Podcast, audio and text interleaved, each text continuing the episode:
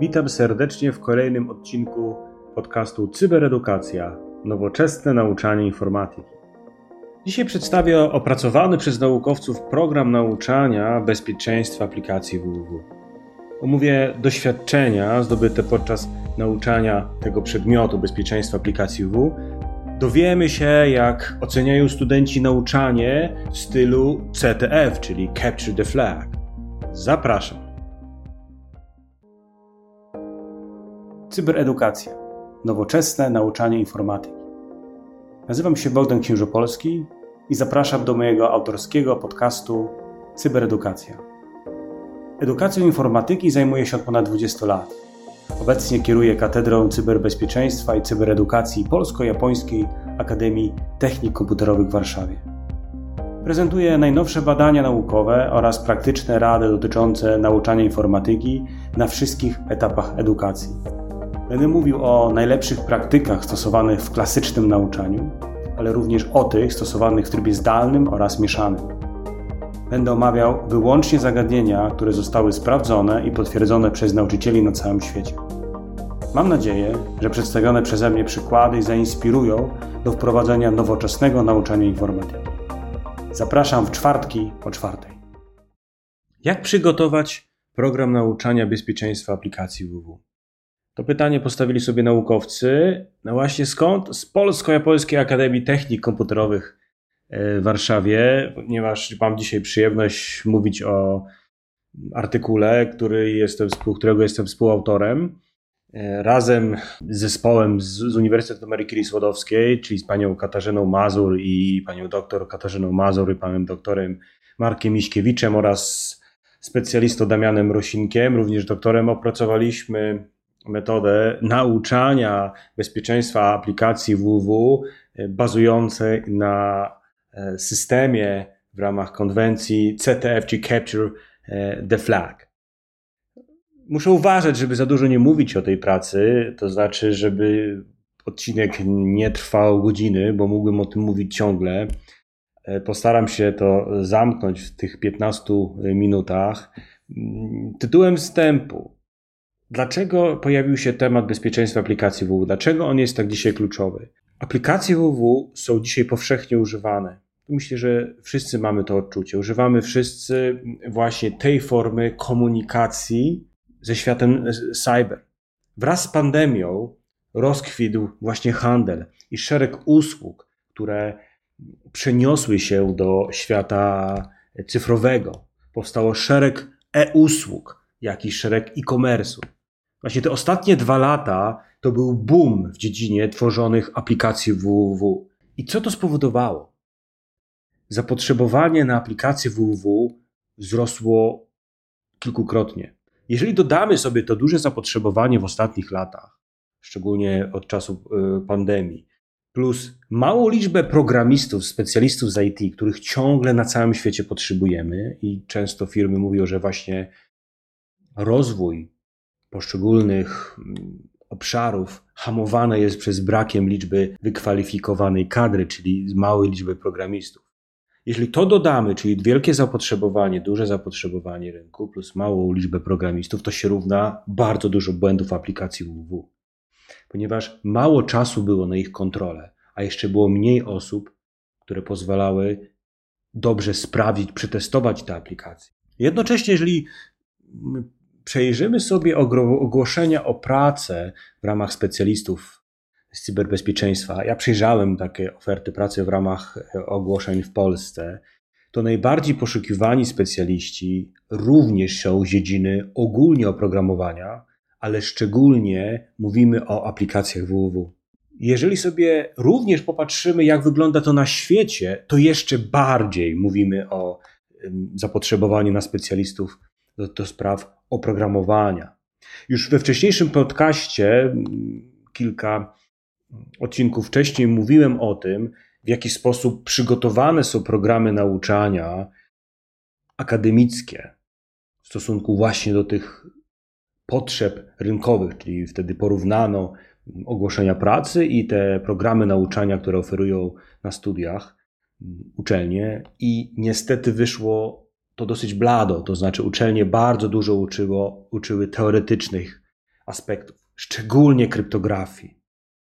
Jest to potrzebna, kryptografia jest kluczem, ale mniej taka teoretyczna, bardziej stosowana, ale brakowało tam szczególnie aspektów, praktycznie ich nie było, dotyczących bezpieczeństwa oprogramowania. W tamtym odcinku mm, odpowiadam na to pytanie, dlaczego, więc zachęcam tu do jego wysłuchania.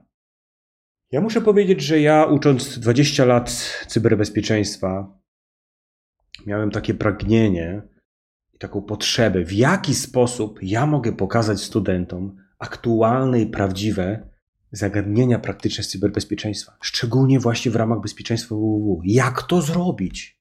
To w jaki sposób technicznie przygotować laboratoria, w ramach których musimy pokazywać, jak wyszukiwać słabości aplikacji, jakie one są, jak, jak przygotować te, ten cyberpoligon, gdzie to zrobić, gdzie mogę, mógłbym nauczyć i pokazać prawdziwe cyberbezpieczeństwo, żeby studenci zobaczyli, czym jest cyberbezpieczeństwo, a nie sprowadzało się to do teoretycznych zagadnień albo takich oczywistych tematów. Prawdę mówiąc, motywacją do powstania Cyberskillera, tej platformy, której jestem współtwórcą, był właśnie, było właśnie to, że ja potrzebowałem, chciałem uczyć w ten sposób realnych zagadnień. I rozpoczęliśmy właśnie od dwóch pierwszych kursów. Pierwszy to był Linux i było właśnie bezpieczeństwo aplikacji www. Teraz już mamy ponad 20-30 kursów. Wracając do www, gdy mówimy o WW, to standardem światowym w tej dziedzinie jest na pewno OWASP, który szczególnie mocno koncentruje się dookoła tak zwanego top 10. On ma przedstawiać top 10 słabości aplikacji www. I one są niejako przewodnikiem, jakimi zagadnieniami powinniśmy się zająć. Oczywiście przedstawię też różne checklisty, które pozwalają mm, sprawdzać słabości w oparciu o te 10, o tych 10 kluczowych mm, zagadnień. One w rzeczywistości zmieniają się co kilka lat. W 2021 roku została opublikowana nowa lista, gdzie pewne zagadnienia przetasowują się między, między sobą, czyli raz byłeś pierwszy, może być piąty i tak dalej. I również w oparciu o ankiety, które mm, przedstawiane są specjalistom y, z cyberbezpieczeństwa, pojawiają się nowe zagadnienia. I w tym roku w tym roku. W 2021 roku pojawiły się znowu dwa takie e, nowe zagadnienia. E, ja teraz no nie będę omawiał wszystkich zagadnień w szczegółach, ale powiem o dziesięciu y, tych słabościach, które pojawiają się, które wymienia o Was w ramach swojego standardu i jednocześnie ten kurs, który został przygotowany, o którym dzisiaj właśnie będę mówił, to to na czym nam zależało, to te top 10, czyli wszystkie zagadnienia z OWASP-u przygotowaliśmy w ramach praktycznych zadań.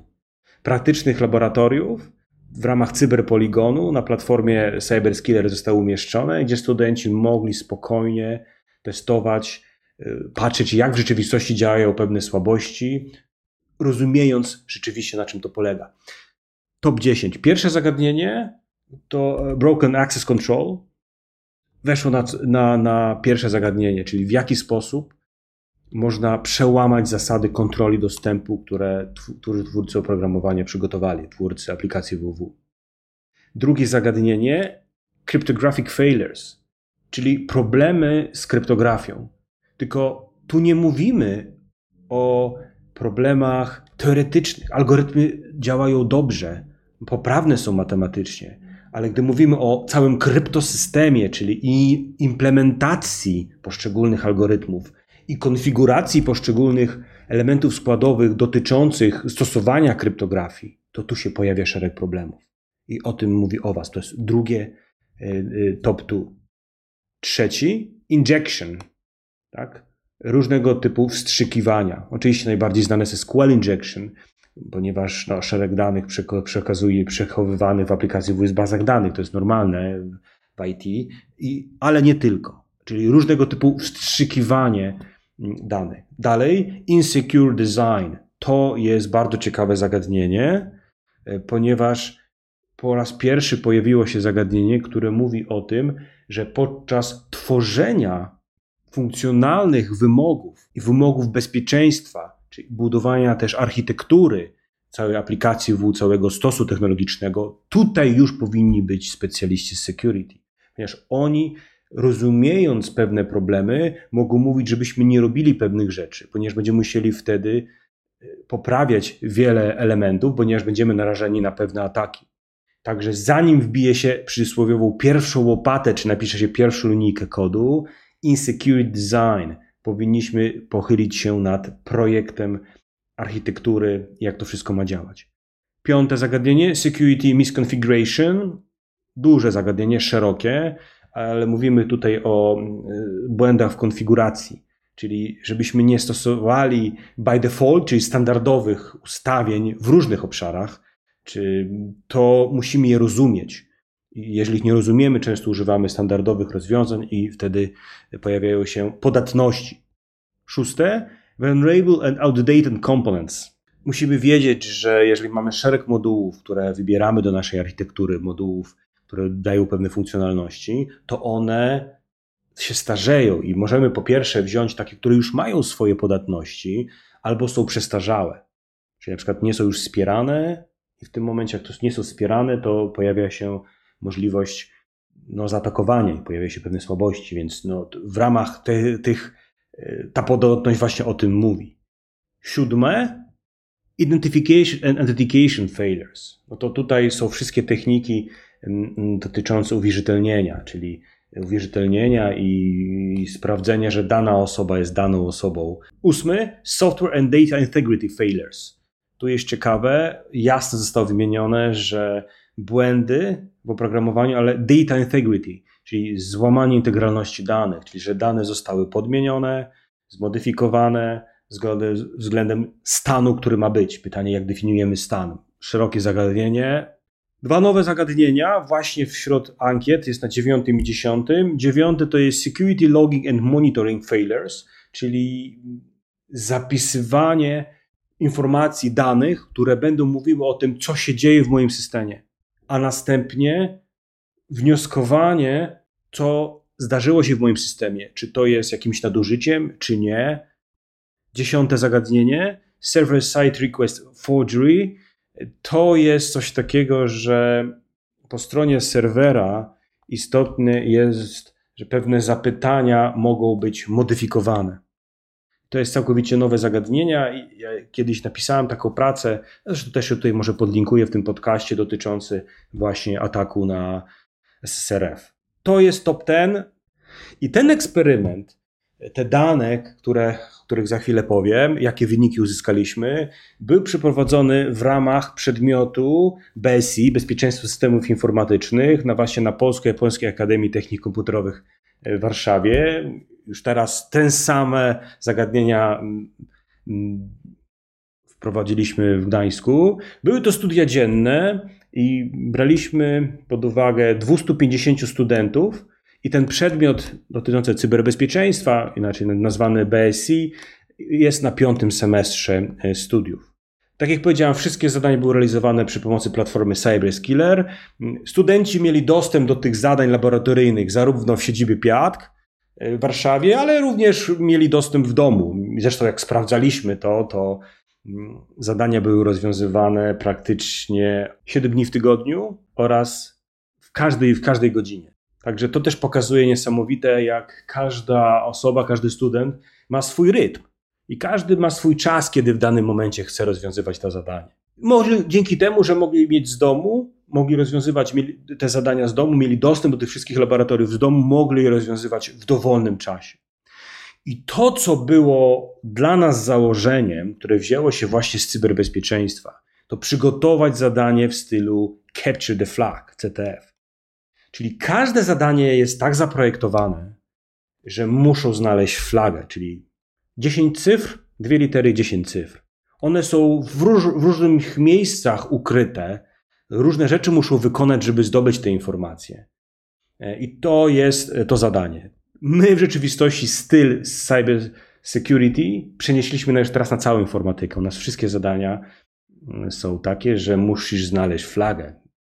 Jakie są efekty? Za chwilę o tym opowiem. W sumie studenci rozwiązali ponad 26 tysięcy zadań. Niesamowita duża liczba zadań. Średni czas na studenta, który poświęcał, to było 17 godzin. Realnie praca w laboratorium. Yy, średnio. No, my na początku zapytaliśmy, studentów, co sądzą o tych zajęciach, żeby wyrazili swoją opinię. To, co można powiedzieć, to jest naszym wielkim sukcesem. Studenci bardzo lubili uczyć się w stylu CTF. Bardzo mieli dużą satysfakcję właśnie z uczenia się. Przedstawię wybrane opinie. Jestem pod wrażeniem platformy i sposobu nauczania. Z dosyć nudnej teorii zrobiono świetną zabawę, która przyda się każdemu w informatyce, ale też w życiu wśród komputerów, tak napisał student. Świetną zabawę. To mi się wydaje, że w edukacji dzisiaj jest kluczem, żebyśmy dali taką rozrywkę w trudnych tematach, bo to nie są proste rzeczy, ale oni się świetnie bawili. Czyli mieli tu ciągle motywację i traktowali to jako czas dobrej zabawy. Dalej. Uważam, że to najlepszy przedmiot na uczelni, ponieważ w przystępny oraz praktyczny sposób podchodzi do zagadnienia. Jak dla mnie nauka na błędach, nieprawidłowo zabezpieczonych stronach, jest najlepszym sposobem nauki. Zawsze bardzo doceniam innowacje i w tym momencie jestem bardzo zachwycony sposobem prowadzenia zajęć z BSC. Cyberskiller to bardzo ciekawe narzędzie, które powinno być wykorzystywane na innych przedmiotach. Dokładnie. Oni mieli dobrą zabawę, Według mnie jest to bardzo dobry sposób na realizację zajęć. Studenci mogą zrobić zadania w wybranym przez siebie czasie. Można wykonywać je tydzień po tygodniu bądź za jednym razem. Wszyscy zadowoleni. Jeszcze trzy opinie. Projekt CyberSkiller uważam za bardzo udany, zachęcająca platforma i ciekawe zadania oraz bardzo dobre materiały pomocnicze. To jest klucz. Materiały pomocnicze. No bo y, dzisiaj w, ucząc cyberbezpieczeństwa, gdybyśmy dali im tylko maszyny wirtualne, po prostu, słuchajcie, wyobraźcie sobie te maszyny wirtualne. Swoją drogą, w tym artykule my oprócz tego e, linkujemy miejsca, z którego poszczególne rzeczy można sobie pobrać, poszczególne wirtualne maszyny. Czyli jeżeli ktoś nie ma dostępu do platformy CyberSkiller, może również przygotować w jakimś w jakiejś mierze zadania z cyberbezpieczeństwa, więc w tym artykule są linki podane, skąd można sobie pobrać te maszyny. Ale to, co zauważyliśmy, ja to widziałem wcześniej, że jeżeli damy komuś, pobierz sobie te maszyny wirtualne i tak dalej, oczywiście mogą to zrobić, ale już teraz od parę osób odejdzie, ponieważ ten próg wejścia, gdzie muszą sobie pobrać, skonfigurować, ciągle coś tam nie działa, zatrzyma wiele osób. Kolejnym progiem, który zatrzyma wiele osób, żeby poszło w świat cyber, to jest to, że ten próg wejścia wiedzowy będzie zbyt duży. Dlatego my przygotowywaliśmy materiały pomocnicze, które po pierwsze przedstawiają wideo rozwiązanie zadania wraz z omówieniem przez naszego eksperta, który mówi krok po kroku, na czym to polega, y, dlaczego coś się wydarzyło i pokazuje krok po kroku, jak to zrobić. Wtedy student może, wysłuchując wielokrotnie ten moment, może zatrzymywać się w odpowiednim miejscu i robić dalej te zadanie, bo tutaj w tym przypadku laboratorium naciska przycisk start i za minutę ma dostęp do laboratorium z dowolnego miejsca tylko dla niego. I on robi dokładnie ten, ten atak w tym przypadku, sprawdza jak to działa. Pamiętajmy, że tu masz wideo i to jako prowadzący my decydujemy o tym, czy mamy mu włączyć wideo, czy na przykład włączyć mu zadanie, w którym nie będzie miał wideo. Wtedy będzie musiał się nauczyć się na wideo, a będzie później dla praktyki zrobić to samo w podobnym zadaniu. I jeszcze materiały pomocnicze, również studenci nam o tym mówili, dlatego to też zmieniliśmy. W tym przypadku tak było, że mają gotowe teoretyczne materiały PDF jeszcze dwie opinie. Jest to dla mnie świetna inicjatywa. Przed pierwszymi zajęciami BSC byłem bardzo sceptycznie nastawiony co do tego przedmiotu, ale dzięki wykorzystaniu platformy Cyberskiller zmieniło się o 180 stopni. Wręcz zachęciło to do rozwijania się na tej ścieżce kariery. Zdobyliśmy kolejną osobę zainteresowaną wejścia w świat cyber. To jest, to jest wielka rzecz jak dla mnie, ponieważ jak pamiętam kilka lat temu pytałem na wykładzie, jak miałem na sali 200 studentów, kto zajmuje się, y, jest zainteresowanym światem cyber, wejścia w, w tą ścieżkę, to podnosiło rękę zazwyczaj 3-5 osób. Teraz jest ich znacznie więcej, gdzie piszą do mnie, pytają, jak mogą zdobyć swój staż, czy dzielą się, że zdobyli już staż i pracują. Niesamowita rzecz. Ostatnie zdanie, bardzo fajna inicjatywa, pomagająca zrozumieć cyberbezpieczeństwo z praktycznej strony. Dzięki niemu zainteresowałem się bardziej tym tematem.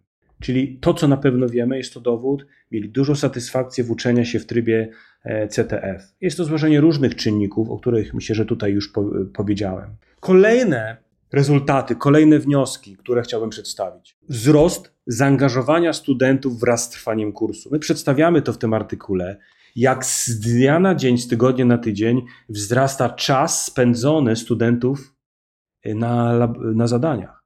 Widać, na samym początku oni się oswajali trochę mm, z tym, mm, z platformą, z zadaniami, coraz bardziej zdobywali wiedzę i umiejętności, co jest kluczem, co przeradzało się dalej w większe zaangażowanie. I na samym początku, w pierwszych y, dniach, y, było w okolicach całkowity czas spędzony na rozwiązywanie zadań, było w okolicach tysiąca godzin dla tej, dla tej grupy gdzie na samym końcu y, było już około 6-7 tysięcy godzin. I to był taki liniowy wzrost. Widać było, jak wraz z nabieraniem umiejętności coraz bardziej chcieli rozwiązywać i ten temat y, ich zainteresował. Niesamowita rzecz. Również chciałbym powiedzieć o pewnym wyzwaniu, które, które zdiagnozowaliśmy, analizując dane. Ponieważ tutaj na platformie zrobiliśmy w ten sposób, jest zorganizowane są zadania, że mamy trudność zadania zdefiniowane przez eksperta. Trudność zadania jest zdefiniowana od jednej do dziesięciu gwiazdek, poziom trudności. W tym przypadku maksyma, zadanie maksymalne e, miało pięć gwiazdek. I, I na tym etapie widzimy, jak pewne zadania, które miały na przykład poziom trudności jedną gwiazdkę, widzimy, ile czasu im zajęło, zajęło studentom rozwiązywanie tych zadań i ile mieli poprawnych prób, a ile mieli prób, w których nie rozwiązali danego zadania. I, i tutaj widzimy, jak określony przez ekspertów poziom trudności i czas wymagany do rozwiązania zadań musi być aktualizowany po pewnym czasie. Czyli po pewnym czasie, gdy widzimy, y, że na przykład tutaj powiem zadanie, które miało jeden poziom trudności, jedną gwiazdkę, okazuje się, że na średnio y, czas, y, czy liczba prób była w okolicach 700. I to była jedna gwiazdka. Podczas gdy zadania, które miały 4 i 5 gwiazdek, również niektóre zadania, już nie będę tutaj na przykład blind SQL injection vulnerability, czyli y, atak SQL typu blind, również było 700 prób w rozwiązania tego zadania ogólnie. To, to samo, co wcześniej Insecure Database Server Configuration. I my w tym momencie budujemy taki algorytm, który będzie co jakiś czas, czyli co czas, w którym y, zbierzemy odpowiednią liczbę danych, będziemy aktualizować poziom trudności różnych zadań i jednocześnie czas wymagany na wykonanie tych zadań, ponieważ ten czas jest o tyle ważny, żeby dobrze projektując zadania, jasno pokazać e, w danym tygodniu, ile zadań student musi zrobić, bo, bo to nie polega na tym, żeby wrzucić studentowi nie wiem ile. Chodzi o to, że to musi być wszystko zbalansowane w programie nauczania, żeby student miał czas też na inne przedmioty. E, możemy zadać pewne ekstra zadania, tak, ale niech to już będzie na przykład jako zadania ekstra, nie w ramach programu nauczania. Ważne jest, żeby to było tak bardzo dobrze dopasowane i co jest ważne, w momencie, gdy my mamy dostęp do tych danych, to my rzeczywiście widzimy, jak to się dzieje.